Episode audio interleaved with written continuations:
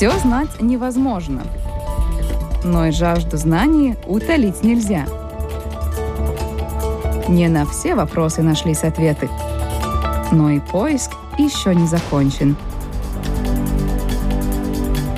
Все важное и новое из мира науки в программе «Теория всего». Здравствуйте, дорогие друзья. Меня зовут Алексей Гусев. Э, действительно, как всегда, по вторникам в это время мы говорим о науке, о научных достижениях, программы «Теория всего». Э, хочу вам э, сообщить, может быть, кто не знает, в данный момент прямо сейчас осуществляется одна, наверное, из самых амбициозных астрономических экспедиций. Телескоп Гая находится в открытом космосе на достаточно приличном расстоянии от планеты Земля, фиксирует карту звездного неба, э, на самом деле сообщает нам уникальные, э, уникальную информацию о том, э, как двигаются звезды в нашей галактике. И, собственно, тот объем информации, которую этот телескоп-спутник нам предоставит, наверняка послужит поводом для работы на многие годы для ученых, астрономов и специалистов. Об этой миссии мы сегодня будем говорить, но, кроме того, я думаю, что что это хороший повод вообще э, познакомиться более подробно с тем, что такое Млечный Путь, что такое наша галактика, в которой мы обитаем, э, каково ее строение, каково ее происхождение и, самое главное, история изучения.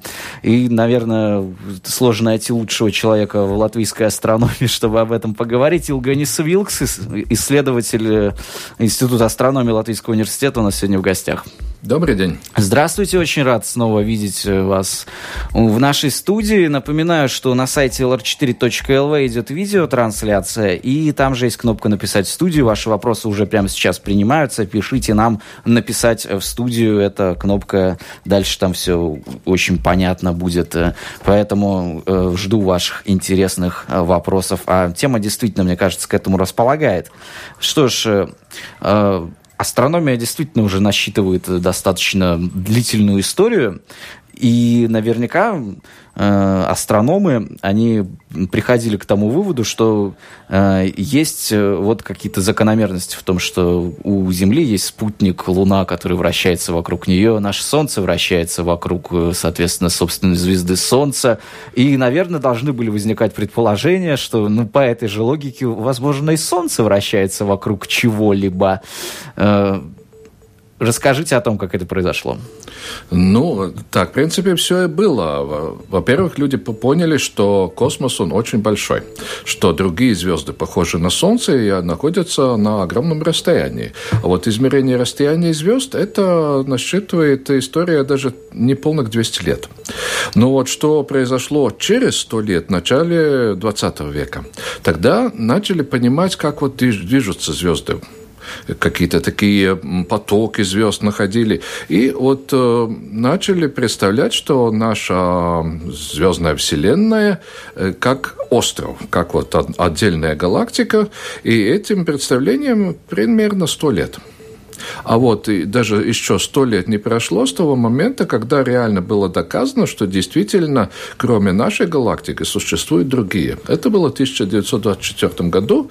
Астроном Эдвин Хаббл увидел отдельные звезды в туманности Андромеды, которые, которые пришлось переименовать галактику Андромеда. Ну, скорее даже смог, наверное, расстояние до них посчитать и понять, что они наверняка не могут будут находиться в нашей галактике. Что-то вроде этого. Вот именно так. Оказалось, что это расстояние не огромное. В то время считалось порядка миллиона световых лет, а световой год – это расстояние, которое свет проходит в вакууме с огромной скоростью – 300 тысяч километров в секунду за целый год. Так что это большое расстояние. Ну, в наше время оно уточнено – 2,5 миллион, миллиона световых лет. Ну, а наша галактика тоже такая, весьма крупная – и, кстати, как э, можно ее себе представить, я обычно говорю, представьте вот себе пиццу размером 30 сантиметров, стандартный размер. Вот так она, она выглядит, наша галактика, такая весьма плоская. Если внутри, в центре, в центре положить такую половинку продолговатого помидора и еще с помощью кетчупа нарисовать такие спирали, отходящие от центра, вот, пожалуйста, модель галактики. Да, довольно приблизительно. Кстати, предположение о том, что могут существовать и другие галактики, высказывал еще философ Иммануил Кант в свое время. По-моему, есть такой забавный факт. Но понятно, что до того, как мы это доказали, прошло некоторое время. Ну и вообще тогда технологии так развиты не были.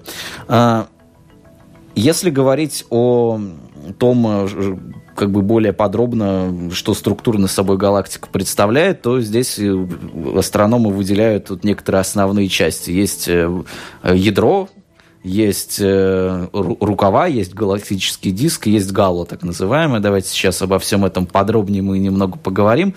Ну, может быть, наверное, как всегда в этих случаях стоит с центра начинать с того, что вот вокруг чего все вращается с точки зрения современных представлений и что такое сверхмассивная черная дыра. Ну да, это э, как сказка про бессмертного Кощея. Там была утка, в утке было яйцо, на яйце было... Э, я уже не помню, что там было, но... В яйце была иголка, да. Иголка, да. Ну вот структура такая же, да. Центральная часть галактики, там весьма много звезд, они расположены плотно. Там также и разные облака газа и пыли, и в самом центре находится действительно сверхмассивная черная дыра, ее масса э, порядка 3-4 миллиона масс Солнца. Ну, Солнце наше огромное по сравнению с Землей, а это еще вот на сколько раз больше. И вокруг нее вращаются звезды, и именно вот под таким движением звезд по их... Э, а к центру скопления звезд оно более, его больше, чем... Да, да? вот именно потому, что какие-то звезды там очень близко подлетают к этому невидимому центру, мы не видим, она, она черная. черная она черная, конечно. Э, поэтому удалось определить, какова масса и какой примерный размер, и что действительно звездное скопление туда не вместится с такой огромной массой, в таком небольшой все-таки объем пространства. Сам центр, скажем, сравнительно маленький, можно сравнить с частью Солнечной системы. Это черную дыру. Ага. Понятно. Но массы там, э, конечно, какие-то невообразимые находятся. Да, это трудно представить. Она накапливалась долгое время, и такие черные дыры в наше время думают, что ну, почти у всех галактик имеется, даже наоборот, если галактика без черной дыры, это уже какое-то исключение. Э, ну вот, и что происходит? Ну, она, скажем так, эм, не задает тон движения остальному всему. Все-таки остальное, звезды, которые находятся в спиральных рукавах, уже по, э, чисто по силе притяжения вращается вокруг центра. Но такой вот объект в самом центре есть. Угу. Спиральные, да, галактические рукава. А почему такое вот э, интересное наименование им дано? И что они собой представляют? Это просто некоторые скопления звезд, как я понимаю. Ну да. Э, спиральные рукава на других языках скажут, например, спиральные ветки или спиральные руки, даже если буквально перевести с английского языка. Э, это вот такая спиральная структура звезд, э, которая начинается от центра, этого продолговатого центра. Из одного его конца выходят два таких спиральных рукава и завиваются вокруг центра. И из второго конца тоже исходят два. Итого у нашей галактики четыре больших рукава. Э, наша Солнечная система находится не в самом главном рукаве, а у этого рукава еще есть ответвление, так называемом ответвлении Ориона. И мы находимся, если опять-таки представить эту нашу пиццу э, диаметром 30 сантиметров на расстоянии 8 сантиметров от центра – 8-9 сантиметров. Скажем так, это одна крупинка, это есть наше Солнце. Но я слышал, что, по-моему, мы все-таки находимся ближе к краю этой пиццы, чем к ее центру. Да, немножко. Да. Потому что если считать, что половина э, диаметра это 15 э, сантиметров, и получается таких э, единиц, которые используются в астрономии, килопарсек. 15 килопарсек, то вот расстояние до края немножко меньше, чем э, до, до центра. Действительно, к нам вопросы достаточно бодро приходят на lr4.lv. Вот слушатель интересуется, говорит, что наша Солнечная система располагается вблизи рукава Ориона. И спрашивают, правильно ли говорить, что мы живем в созвездии Ориона, и если нет, то в каком же созвездии мы живем? Вот, ну, прописку укажите, где вы. Да. Но мы не живем в созвездии. Созвездие – это просто рисунки на небе, которые мы видим ночью, посмотрев на них.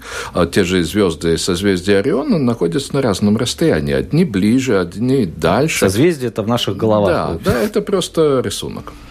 А если хотим указать адрес, вот, пожалуйста, планета Земля, Солнечная система, э, ответвление Ориона, галактика.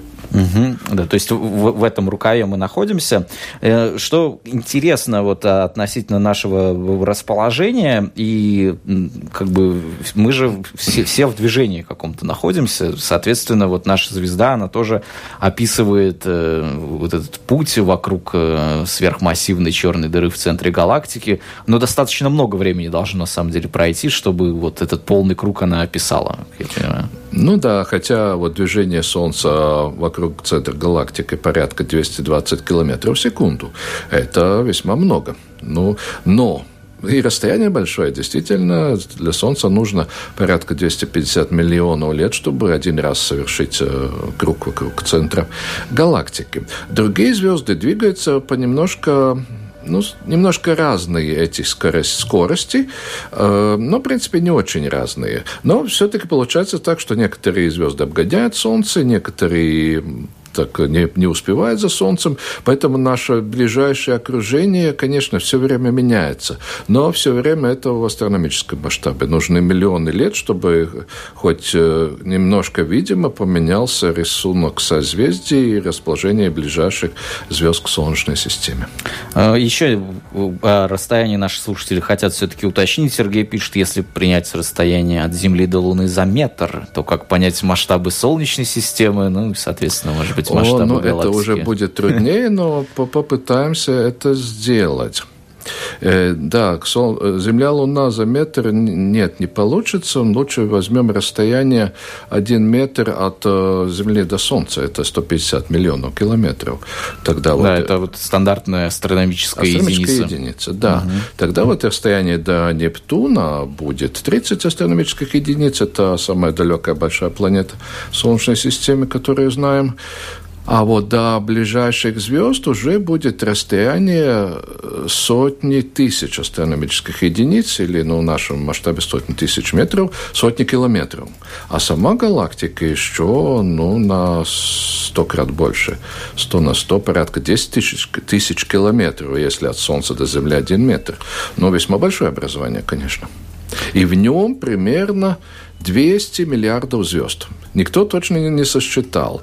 Э, говорят иногда от 100 миллиардов до 400 миллиардов. Но это более да, вероятно, чтобы не ошибиться, миллиардов. употребляют выражение сотни миллиардов. И да. мне кажется, может быть, это на самом деле не очень хорошо, потому что мы это не точно говорим. И тогда кажется, что ну, сотни миллиардов это а, просто способ сказать больше. очень много не сосчитать. Вот.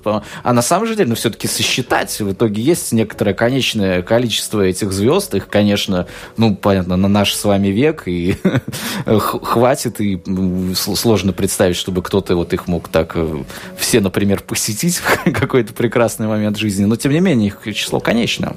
Да, конечно, число звезд нашей галактики конечно. Ну, если представить, что вот на Земле живет порядка 7 миллиардов человек, то на каждого приходится, ну, скажем, если 210 миллиардов лет э, взять, э, звезд, звезд да. взять, то это будет по 30 звезд на каждого. Ну, вот представьте, сколько соотношение людей и звезд. А Насчет их э, подсчета, вот э, это, кстати, именно то, чем занимаются эти специализированные спутники, э, которые о которых мы положение. поговорим, да. наверное, немного позже, потому что мы полностью структуру галактики не mm-hmm. осветили, что называется. На, значит, ее окраинах, или как это правильно сказать, вот находится mm-hmm. вот это странное образование Гало, которое мы тоже, или Гало, наверное, да, так будет да. ну более вот, точно а если... сказать, что это такое, почему мы тоже его выделяем, потому что, как я понимаю, там тоже довольно трудно его увидеть. Ну вот именно. Если вот опять-таки вернуться к нашей модели пиццы, то Гало это будет как бы вот, э, э, ну так... Э, представим себе такой, как бы пиццу завернули в такой шаровой целлофановый пакетик. И вот в этом над плоскостью галактики под плоскостью находится небольшое количество звезд. Их там порядка 5%, 5% из того всего, что находится в диске. Диск содержит главную массу, главное количество звезд, а в этом гало над, над плоскостью, под плоскостью находятся еще и шаровые скопления. Весьма такие большие образования, которых даже бывает несколько миллионов звезд – ну, которые как бы нам показывают структуру этой сферической части галактики. Но если мы смотрим на другие галактики в космосе, то мы Галло практически не видим. Для этого нужно специальное исследование, что его увидеть. Мы видим только вот эту для спиральной галактик дисковую составляющую. Да, и в нем также заключена значительная часть массы да, кроме звезд как таковых, mm-hmm. там находятся также газ и пыль, который оседает исключительно в плоскости галактики. Ну, можно представить, вот как на пицце делается этот слой кетчупа, и на него там потом добавляются всякие добавки. Весьма тонкий. И вот э, наша Солнечная система, в принципе, находится в этом слое, так что мы живем в такой весьма запыленной, замусоренной части галактики в этом смысле. А эта пыль э, и газ весьма, конечно, важны для галактики. Их масса составляет порядка 5-10% всей массы галактики. Из э, этого материала образуются новые звезды. А, да, еще вот, э, когда я готовился к передаче, такую информацию довольно любопытную прочел относительно нашего как раз-таки месторасположения в галактике в целом э, и о том, как двигаются, потому что все в движении, естественно, находится, и, соответственно, спиральные рукава вращаются с одной с постоянной угловой скоростью, а движение звезд происходит с другой закономерностью, как правило, и поэтому они все время меняют свое месторасположение. А, соответственно, вот именно тот участок, где Солнце, и вот он э, подчинен тем же законам, он вот э, таким образом мы находимся в такой благоприятном месте, потому что иначе бы вот э, наше бы расположение так менялось, что даже, возможно, жизнь вряд ли бы зародилась в нашем регионе. Ну да, потому что если это может быть чревато тем, что при каких-то близких приходах звезд друг вокруг друга эм, одна звезда может выбрасывать э, из-за взаимного притяжения, скажем, вообще выбрасывать, так сказать, э, конкурента из галактики. То есть мы можем, как бы, с одной стороны, казалось бы, мы затеряны в нашем огромной галактике какая-то незначительная точка, но все-таки, с другой стороны, если на это посмотреть, наше место расположения довольно льготное. Да, так такое комфортная, комфортная зона. Почему? И, кстати, еще потому, что в центральной части галактики вот звезды располагаются ближе. Э, там э, чаще на небе появляются всякие вспышки сверхновой, которые иногда дают гамма-излучение, которое, ну, нам, как живым существам, абсолютно не нужно. В нашей части галактики я называю это спальным районом такой. Частные дома, спальный район такой весьма тихий. Подальше от заводов, да. Да, да, да. А вот если совсем на окраине оказалась бы наша Земля, то там э, у звезд весьма мало э, химических элементов, которые отличны от гелия и водорода, так называемых тяжелых элементов, из которых ну, вообще что-то можно создать, или хотя бы гвоздь, или стол, и все, все такое подобное. Поэтому там было бы, в этом смысле, химическом смысле, жизнь была бы намного беднее, и вряд ли бы образовались такие твердые планеты, как Земля и похожие. Что ж, напоминаю, исследователь Института астрономии Латвийского университета Илганис Уилкс у нас в гостях. Рассказали мы о том, как устроена э, наша галактика. Немного, конечно, безусловно, обзорно. И также о том, в какое, какое место занимает именно наша Солнечная система в ней. Но понятно, что наука не стоит на месте, наука идет вперед. И сейчас есть несколько очень интересных проектов, которые должны нам больше рассказать, в том числе и относительно нашей галактики. И вот э, телескоп Гая, э, который был запущен Европейским космическим агентством, и уже в прошлом году какие-то результаты его измерительной деятельности получили. Давайте пару слов об этом проекте расскажем.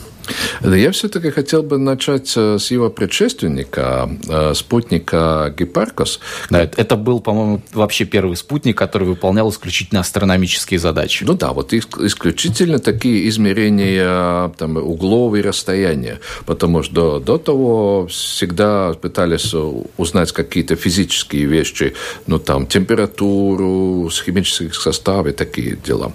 Ну да, и этот э, спутник уже также наблюдал за космосом несколько лет и создал уже первый такой каталог, каталог объектов, где было порядка миллиона объектов. Это уже казалось очень много, и точность тоже была весьма хорошая. Э, эту точность, насколько точно можно определить э, направление на звезду. А вот э, спутник Гая, тоже Европейского космического агентства, ну, как бы, ну, просто далеко переплюнул, далеко зашел вперед э, по сравнению с предыдущим спутником. Вот э, был в сентябре прошлого года э, опубликована первая база данных, которая содержит данные о миллиарде звезд это уже весьма значительная часть звезд нашей Солнечной, э, нашей галактики. И до тех пор вот каталоги содержали ну, сотни тысяч звезд, но миллион это уже казалось очень много, а миллиард это еще тысяча раз больше. Да, здесь нужно, конечно, опять же проакцентировать не просто звезды, какую-то информацию о них, а именно их расстояние, тем более, а для некоторых еще и направление движения, как я понимаю. Ну, да. не, не для всех, это вот там для... Ну, здесь э, стоит немножко рассказать, как это определяется. Э, принцип э, вообще-то весьма простой, так как Земля идет э, каждый год вращается вокруг Солнца, она меняет свое положение в пространстве, и когда мы глядим на звезду, мы видим, что она на небесной сфере немножко меняет свое направление. И вот этот небольшой угол, это небольшое изменение, это возможно измерить. И чем дальше звезда, тем меньше она передвигается, мы можем напрямую узнать ее расстояние. И второе, э, что очень важно, что вот спутник Гая работает э, это только предварительный каталог в прошлом году. Он будет работать еще несколько лет, чтобы получить и более точные данные о положении звезд, и также вот о их движении в пространстве. о том, что мы говорили, что вот э, в окрестности Солнца скорости немного разные. Вот как движутся звезды по отношению к Солнцу. Это будет ну, как бы подведена черта к 2020 году, а каталог будет доступен, ну, не раньше 2022 года.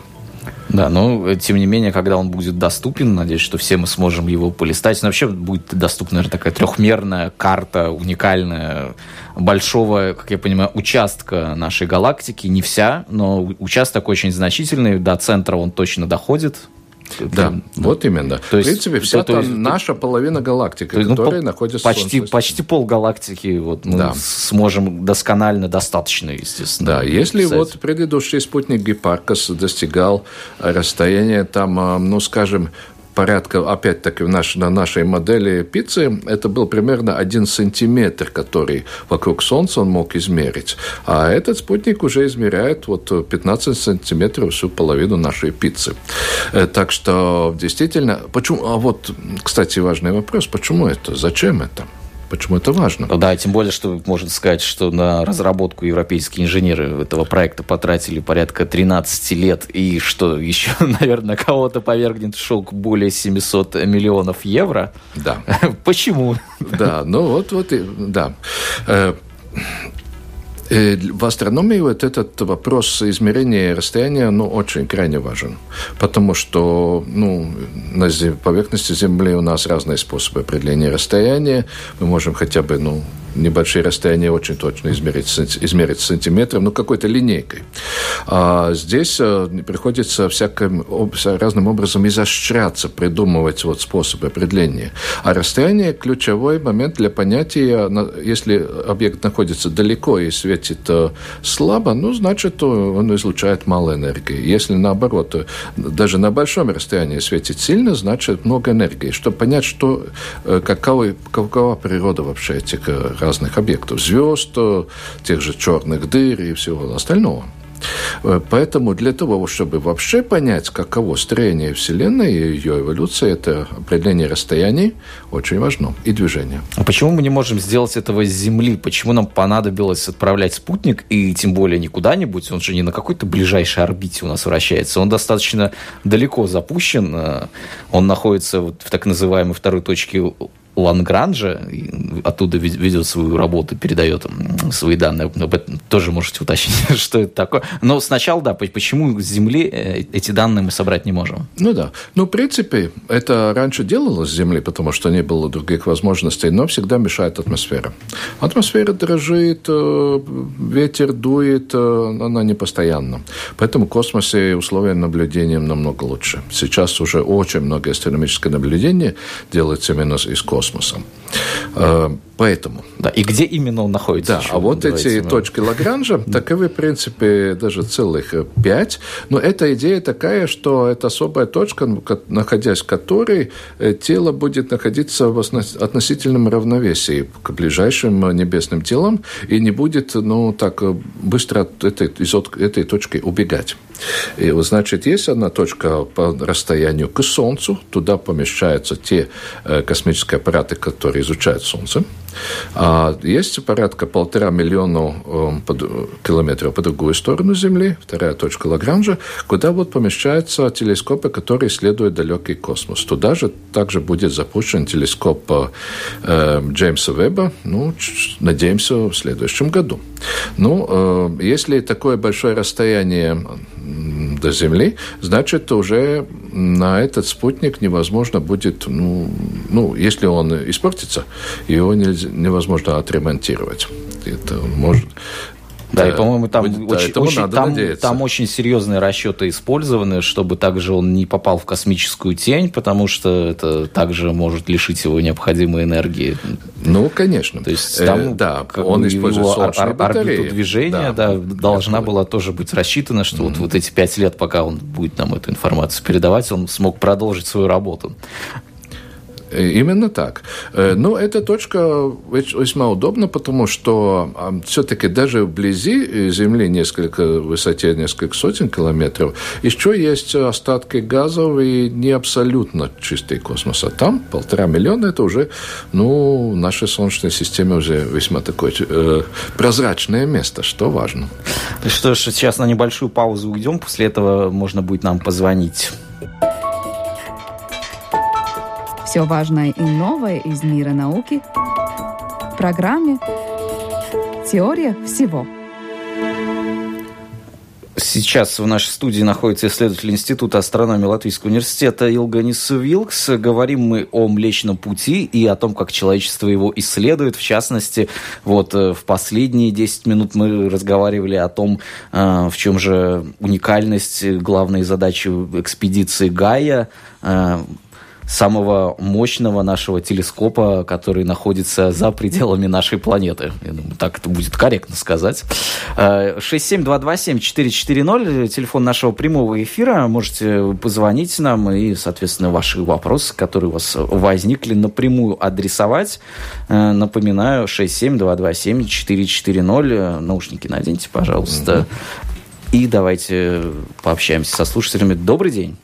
Да, добрый день. Я вот сначала слушаю, но не совсем понял. Э, телескоп, он также и оптическими обладает, э, то есть такие, такие мощностями, чтобы, допустим, теоретически, если он видит вдруг планету, на которой, там, может быть, есть жизнь, сможет ли он этих чудиков рассмотреть, таких же несчастных, как мы, где-то далеко?